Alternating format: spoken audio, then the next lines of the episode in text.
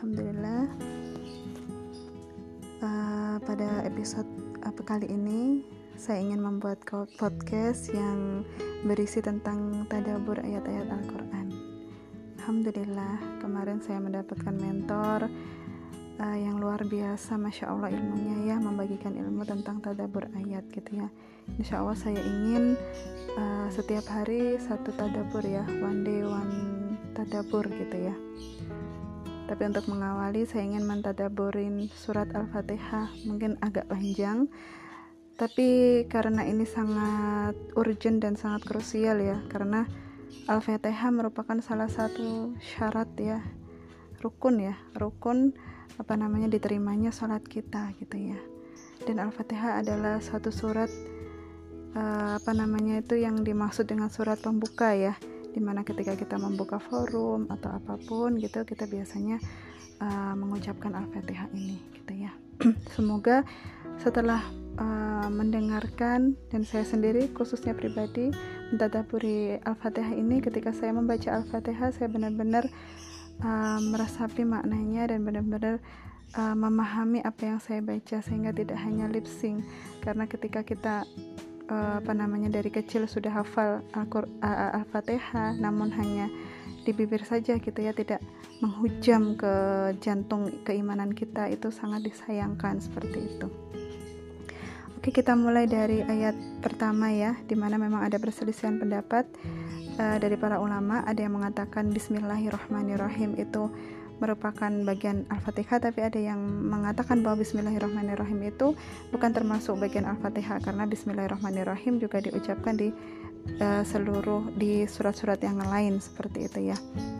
Nah, uh, kalau saya pribadi saya ingin tetap mentadaburi Bismillahirrahmanirrahim ini di surat Al-Fatihah karena memang uh, sang, sangat erat hubungannya dengan aktivitas uh, pada setiap aktivitas yang kita lakukan gitu ya. Bismillahirrahmanirrahim dengan menyebut nama Allah yang Maha Pemurah dan Penyayang. Kata ini senantiasa seharusnya kita ucapkan di setiap aktivitas karena ketika kita melakukan aktivitas walaupun itu mubah sekalipun, minum, makan, seperti itu ya. Kemudian itu membuka tas, melangkahkan kaki, menyisir anak, menyuapi anak, memandikan anak, menyiapkan apa namanya kebutuhan suami, mencuci piring, semua itu kita awali dengan bismillah. Aktivitas kita itu insya Allah bernilai ibadah. Dan insya Allah ketika aktivitas-aktivitas yang mungkin membutuhkan pertolongan Allah gitu ya intinya itu uh, safety gitu ya misalkan kita menuang air panas seperti itu ya menaikin tangga, kemudian mengangkat barang berat, memindahkan hal-hal yang berat, sifatnya berat gitu ya. Kemudian melakukan hal-hal yang berbahaya apa namanya berpotensi bahaya misalkan memotong daging gitu kan ya.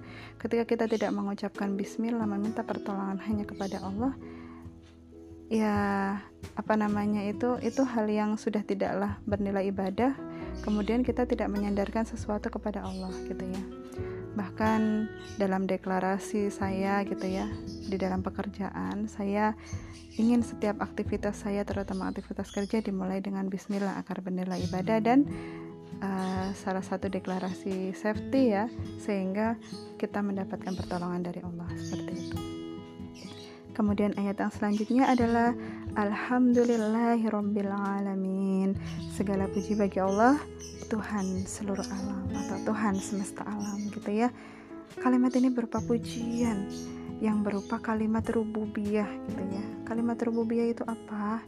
Kalimat rububiyah itu uh, kata-kata rububiyah itu sebenarnya salah satu jenis dari tauhid. Tauhid itu ada tiga tauhid rububiyah uluhiyah dan tauhid asma wa sifat gitu ya kalau rububiyah ini uh, tauhid yang mengesahkan Allah dari kejadian-kejadian yang hanya Allah yang bisa melakukan sebagai satu-satunya ilah yang berhak diibadahi serta menyatakan dengan tegas bahwa Allah adalah Rob, Raja, pencipta semua makhluk dan hanya Allah yang mengatur dan yang bisa mengubahnya seperti itu ya. Karena kita yakin gitu ya Allah hanya Allah lah yang berhak untuk dipuji gitu ya. Tuhan seluruh alam gitu ya. Bahwa kita tuh tidak berhak bersikap sombong gitu ya. Bahkan ketika uh, misalkan kita mendapatkan suatu kebaikan gitu ya. Oh iya gitu ya alhamdulillah rumahnya bagus ya gitu ya tamannya bagus atau wah uh, sharingnya bagus ya gitu ya. Kemarin saya mendengar sharingnya mbak. Itu bagus sekali. Ucapkanlah masya Allah tabarakallah gitu ya. Subhan al alhamdulillah alamin. Segala puji bagi Allah. Itu selalu kita ucapkan gitu ya. Intinya kita selalu menyandarkan semua itu uh, hanya kepada Allah gitu ya. Pujian itu hanya kepada Allah. Karena kita melakukan sesuatu yang baik kalau misalkan Allah tidak berkehendak itu baik maka tidak akan terlaksana seperti itu ya bahkan ketika mendapatkan ujian seharusnya kita juga memuji Allah gitu ya. Katakanlah kita sakit gitu ya. Kemudian mengalami musibah kemudian ya banyak ya dalam hidup itu kita bersedih gitu ya. Ucapkanlah alhamdulillah ala kulli hal. Segala puji bagi Allah dalam setiap keadaan baik itu baik baik itu buruk buruk gitu ya. Katakanlah ketika kita baik kita gitu ya sembuh dari sakit ya alhamdulillah udah sembuh ya iya walaupun ya kemarin itu beli obat-obat yang mahal dokternya juga dokter yang spesialis gitu kan berarti pujian itu tidak tulus gitu. Ini uh, refleksi juga bagi saya bahwa kalau sudah memuji Allah ya sudah kata walaupun itu tahan gitu kalau perlu hapuskan gitu ya seperti itu. Sebaliknya ketika kita dalam keadaan buruk gitu ya kita dalam kondisi sakit ya alhamdulillah gitu ya. Nggak sembuh sembuh ya alhamdulillah gitu ya. Bukan berarti lo kok sakit kok alhamdulillah gitu ya. Memang gitu ya. Kita nggak tahu. Mungkin saja dengan sakit itu dosa-dosa kita yang tidak bisa terhapuskan dihapuskan oleh Allah bisa jadi dengan sakit itu Allah menegur kita gitu ya. Seperti itu. Menegur kita supaya kita itu semakin dekat gitu ya semakin sadar gitu. Bahwa Allah itu memang yang seharusnya kita puji gitu ya dalam setiap keadaan. Kemudian selanjutnya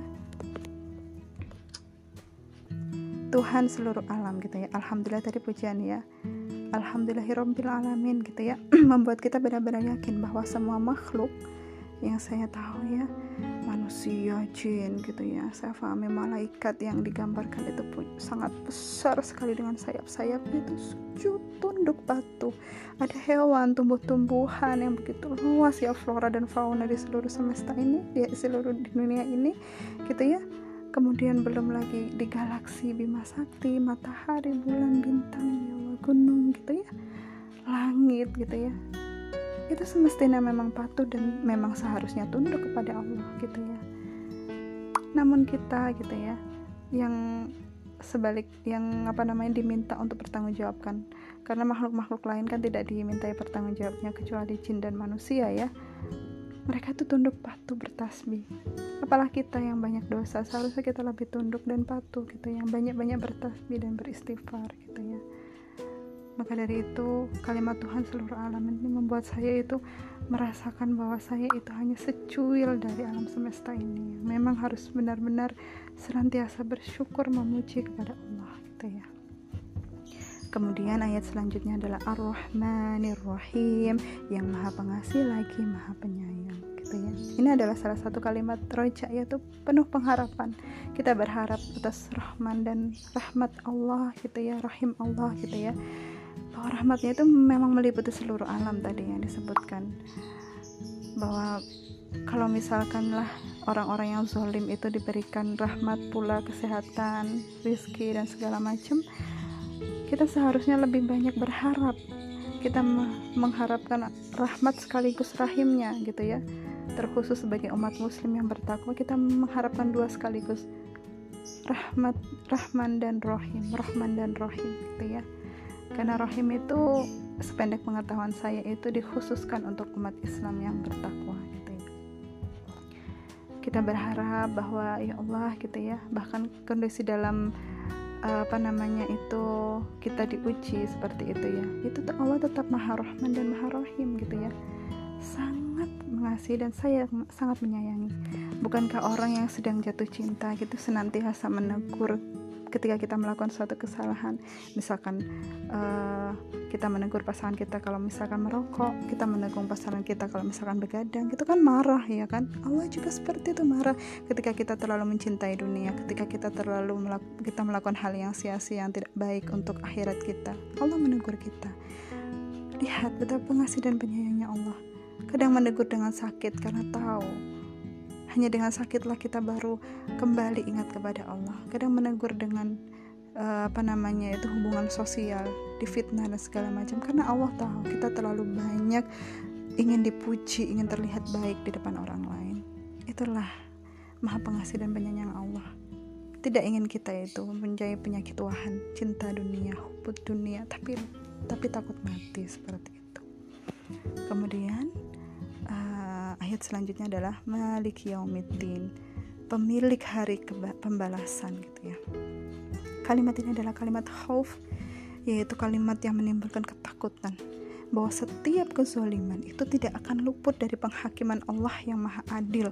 Dan perhitungan Allah itu begitu detail dan cepat tidak bisa dibandingkan dengan perhitungan yang secepat apa pun gitu ya. Chip apa pun gitu ya alat apa pun yang perhitungan cepat Allah itu maha cepat dan tidak akan luput tidak ada tidak tidak akan error gitu kayaknya setitik pun tidak akan error gitu ya. Bahwa ini yang membuat kita takut ketika kita mensualimi sesuatu ya. Kita sualim terhadap tubuh kita kita sualim terhadap anak-anak suami kemudian sama teman tetangga. Kita tidak tahu kesaliman kita kadang-kadang tidak sadar gitu ya. Kepada hewan bahkan kepada semut gitu kadang kita sualim gitu ya. Kita nggak tahu gitu ya itu yang membuat kita khawatir. Sungguh kita itu harus mengkhawatirkan kulit kita sendiri gitu ya apakah nanti akan menolong kita bersaksi kebaikan kita ataukah kita tenggelam dengan keringat kita yang karena ketakutan dan amal amal baik kita yang tidak seberapa gitu ya. Daripada kulit orang lain. Maka dari itu kita tidak usah berpusing-pusing untuk uh, apa namanya mengkritik orang lain ya. Sedangkan kita mengkritik diri sendiri itu hampir tidak pernah setiap hari. Inilah menjadi apa ya namanya refleksi ya pernyataan atau tamparan keras bagi saya bahwa uh, apa namanya itu mengkritik orang lain itu boleh bagus gitu ya. Terutama untuk mengkritik dari penguasa yang memang kita harus luruskan kesalahannya. Tapi kita juga tidak harus tidak uh, tidak boleh lupa untuk mengkritik diri sendiri. Yang paling baik itu sebelum tidur apa kezaliman apa yang sudah kita lakukan kebaikan apa yang mungkin bisa menjadi hujah kita di depan Allah nanti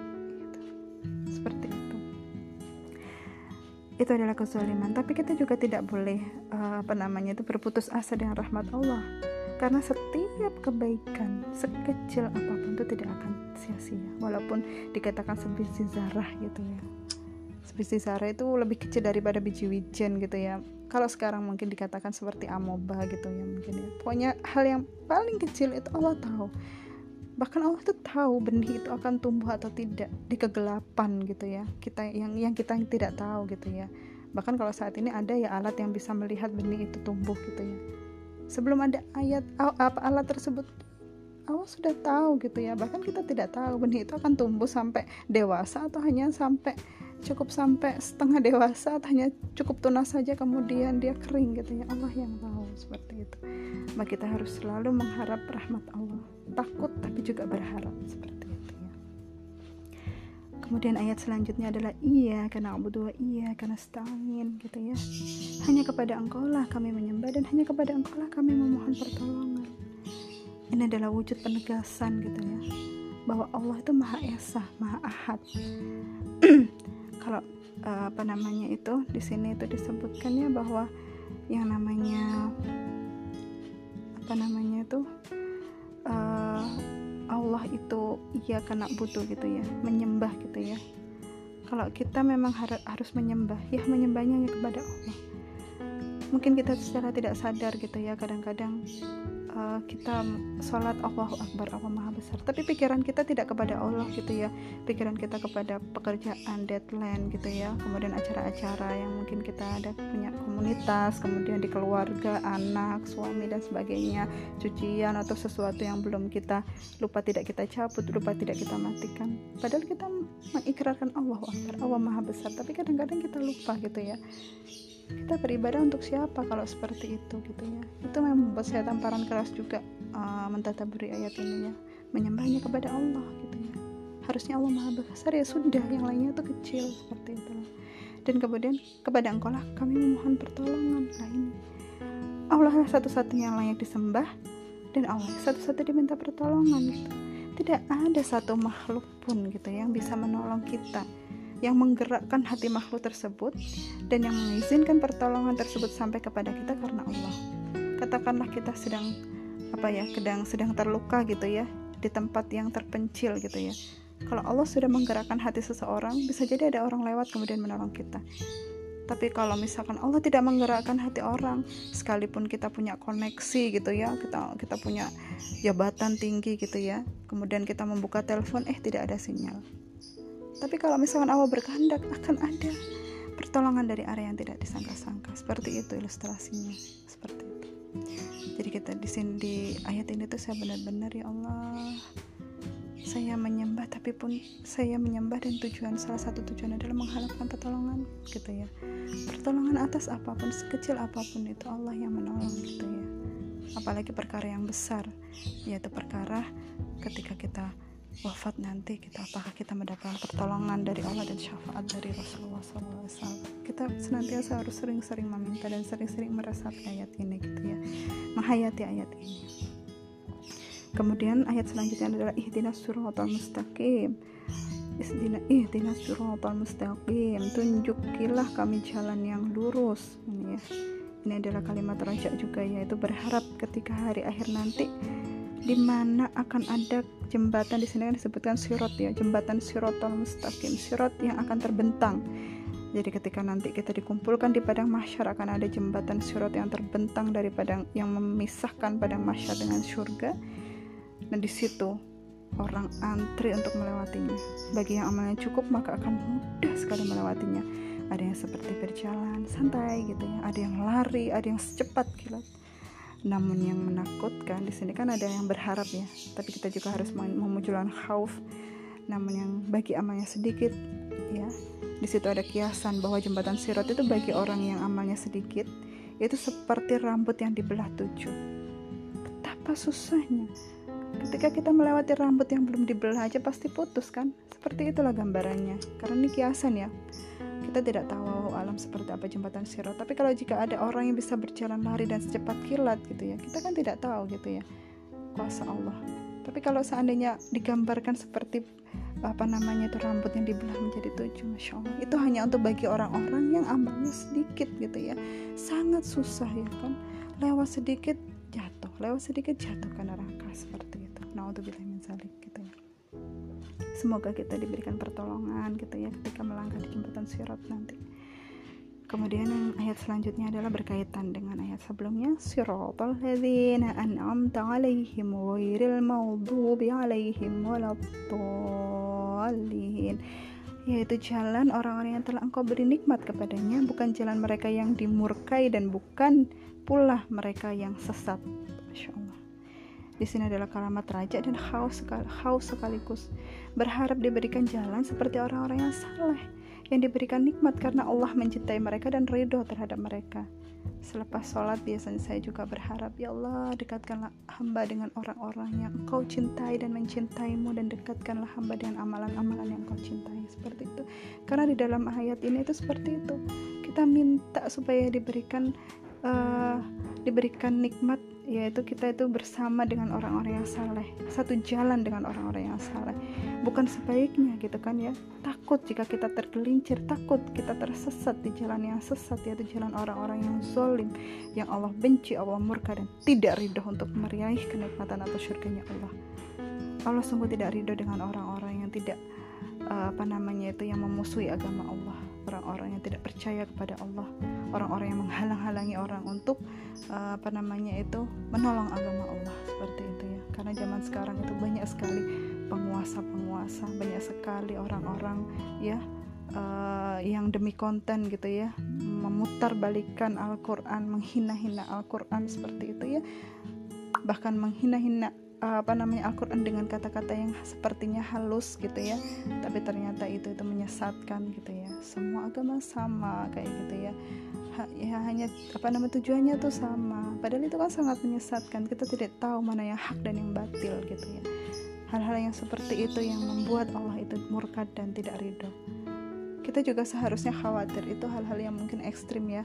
Mungkin kita secara tidak langsung syirik secara tidak langsung sombong secara tidak langsung tidak mengakui Allah segala pujian bagi Allah karena kita kadang suka uh, apa namanya mengakui ikhtiar kita gitu ya mengakui orang-orang yang bisa menolong kita koneksi kita gitu ya jabatan kita gitu ya pandangan orang terhadap kita gitu. Kadang-kadang kita merasa tinggi merasa sangat suka membanggakan diri. Nah itu yang dikhawatirkan. Saya sendiri khawatir pada diri saya sendiri khawatir pada hati saya kolbu saya. Mudah-mudahan karena yang namanya khusyuk karena yang namanya apa namanya itu mengakui kebesaran Allah itu tentang rasa bagaimana kita mengolah rasa kepada Allah. Yang tidak akan bisa orang lain itu menilai hanya kita dan Allah saja. Yang jelas ketika kita sudah paham dan mentadaburi Al-Quran ini saya yakin mungkin tidak akan sepenuhnya kita khusyuk. Tapi yang jelas yang bisa dipastikan adalah kualitas ibadah kita itu meningkat seperti itu. Apalagi kalau sudah diulang-ulang insya Allah kita akan bisa semakin bisa khusyuk gitu ya. Seperti itu ya. Uh, kemudian mungkin ada sedikit notes tadi ya. Di sana saya uh, membahas tentang khauf dan raja itu kan tentang takut dan berharap ya. Itu adalah merupakan salah satu tauhid uluhiyahnya Allah gitu ya bahwa mengesahkan seluruh bentuk ibadah kepada Allah seperti berdoa, meminta, tawakal, takut, berharap gitu ya, menyembeli, bernazar dan sebagainya itu ya jenis-jenis ibadah yang diajarkan oleh Allah gitu ya kita tuh mengesahkan Allah tapi dalam bentuk ibadah. Kalau tauhid rububiyah itu kan karena kejadian-kejadian gitu ya. Nah, misalkan kita melihat penciptaan makhluk gitu ya mengatur uh, siang dan malam rotasi bulan rotasi bumi itu rububiyah gitu ya. Kalau uluhiyah tadi dengan beribadah. Dan satu lagi yang belum dibahas yaitu tahuf tauhid asma wa sifat yaitu merupakan bagian yang mentauhid mentauhid mentauhidkan atau mengesahkan Allah dalam akidah Islam. Bentuk penerapannya itu yaitu mengenai sifat-sifat Allah gitu kan ya. Yang Allah sendiri sudah menyatakan gitu ya. Kalau yang namanya Rob itu kan bebas ya. Bebas memiliki jubah kesombongan, bebas untuk menyebut dirinya itu, mengatributi dirinya itu seperti apa. Beliau punya uh, Allah Allah Subhanahu wa taala mensifati dirinya itu sebagai Ar-Rahman Ar-Rahim. Di sini juga salah satu tauhid asma wa sifat. Belum sempat saya sebutkan tadi ya. Seperti itu. Allahu Akbar gitu ya Allah Maha Besar beliau men men mengatributkan Maha Besar uh, untuk apa namanya uh, Allah Subhanahu Wa Taala mengatributkan Allah itu Maha Besar gitu ya Maha Besar karena yang lain itu kecil gitu ya itu juga tauhid asma tauhid asma wa sifat seperti itu Sekian tadabur Al-Fatihah dari saya, mudah-mudahan bermanfaat dan saya berharap ini bisa menjadi salah satu ladang amal bagi saya gitu ya dan bisa menjadi hujah bagi saya pribadi gitu ya, terutama ketika nanti uh, apa namanya terus sholat gitu ya bisa lebih meningkatkan kualitas ibadah saya dan mungkin rekan-rekan yang mendengarkan. Wassalamualaikum warahmatullahi wabarakatuh.